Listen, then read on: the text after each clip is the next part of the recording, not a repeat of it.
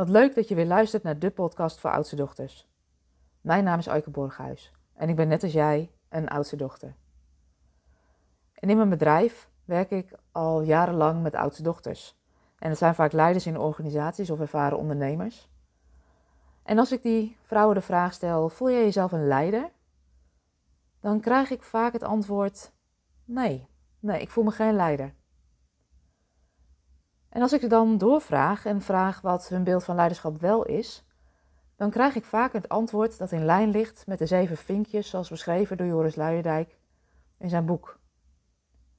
Man, wit, hetero, VWO, universiteit, Nederlandse ouders en rijke of hoogopgeleide ouders. Als je kijkt naar deze zeven vinkjes, dan voldoet maar 3% van de Nederlanders aan dit profiel. En als je kijkt naar de leiderschapsposities in Nederland, dan zijn dit wel de mannen die voor een groot deel de touwtjes in handen hebben. En als je jezelf als oudste dochter de vraag stelt of je jezelf ziet als leider, dan is de kans groot dat je terechtkomt in You can't be what you can't see. Als je weinig rolmodellen hebt, dan kan het lastig zijn om jezelf wel als een leider te zien en om te zien wat er wel voor je mogelijk is of is weggelegd. Als ik kijk naar mezelf, dan veranderde mijn beeld van leiderschap op het moment dat ik de definitie van Brene Brown hoorde. Brene Brown is um, een onderzoeker die veel onderzoek heeft gedaan op het gebied van leiderschap, uh, een aantal bedrijven heeft. En misschien ook leuk om te weten, zelf een oudste dochter is. En haar definitie van leiderschap gaat niet in eerste instantie over titels, status en macht, maar haar definitie van een leider is iemand die de verantwoordelijkheid neemt voor het herkennen van het potentieel in mensen en ideeën en de moed heeft om dat potentieel te ontwikkelen.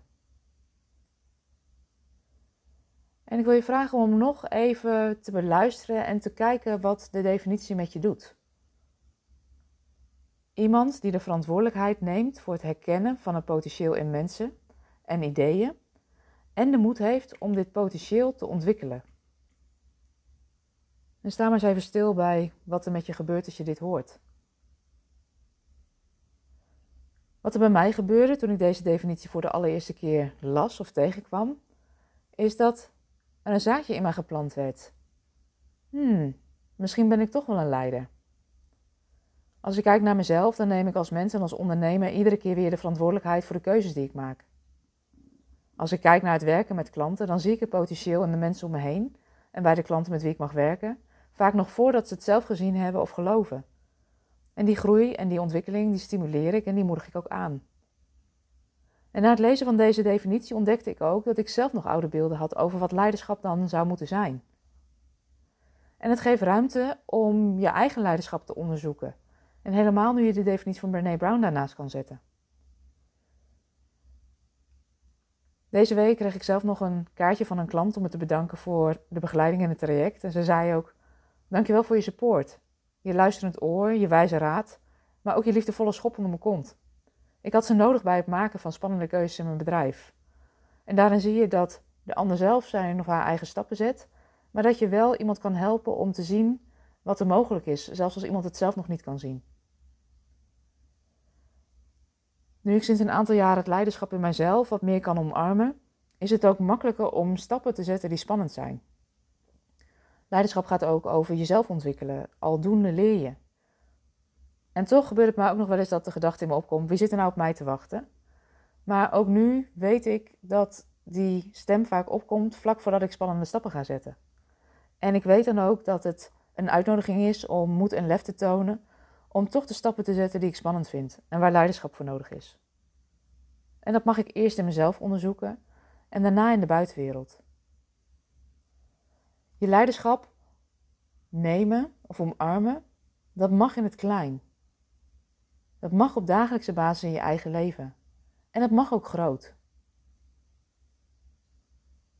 Hoe is dat voor jou? Als je kijkt naar jezelf, ben jij dan ook iemand die de verantwoordelijkheid neemt voor je eigen leiderschap? Voor de keuzes die je maakt? Of je trouw bent aan jezelf en de waarden die voor jou belangrijk zijn? En neem jij ook de verantwoordelijkheid voor het herkennen van het potentieel in mensen en ideeën? En heb je ook de moed om dat potentieel te ontwikkelen? Als dat zo is, dan ben je een leider. Leiderschap begint met de regie nemen over je eigen leven en werk en is vaak een parallel proces met het leiderschap oppakken in de buitenwereld. Die twee die versterken elkaar.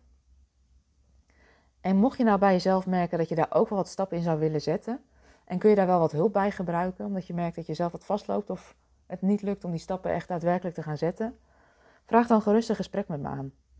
Ik denk graag met je mee om te kijken hoe jij je leiderschap uh, voor jezelf en voor anderen uh, de wereld in kunt brengen. En weet dat je heel welkom bent. Ik vind het leuk om je te leren kennen.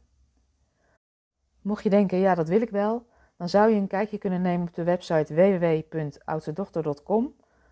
En je kunt daar een persoonlijk gesprek met me aanvragen. En uh, wie weet ontmoeten we elkaar snel. Mocht je nou meer oudste dochters kennen voor wie deze podcast interessant is, dan zou je me helpen om deze podcast door te sturen. Zo kan ik nog meer oudste dochters bereiken en kunnen we stap voor stap ons leiderschap nog meer gaan omarmen.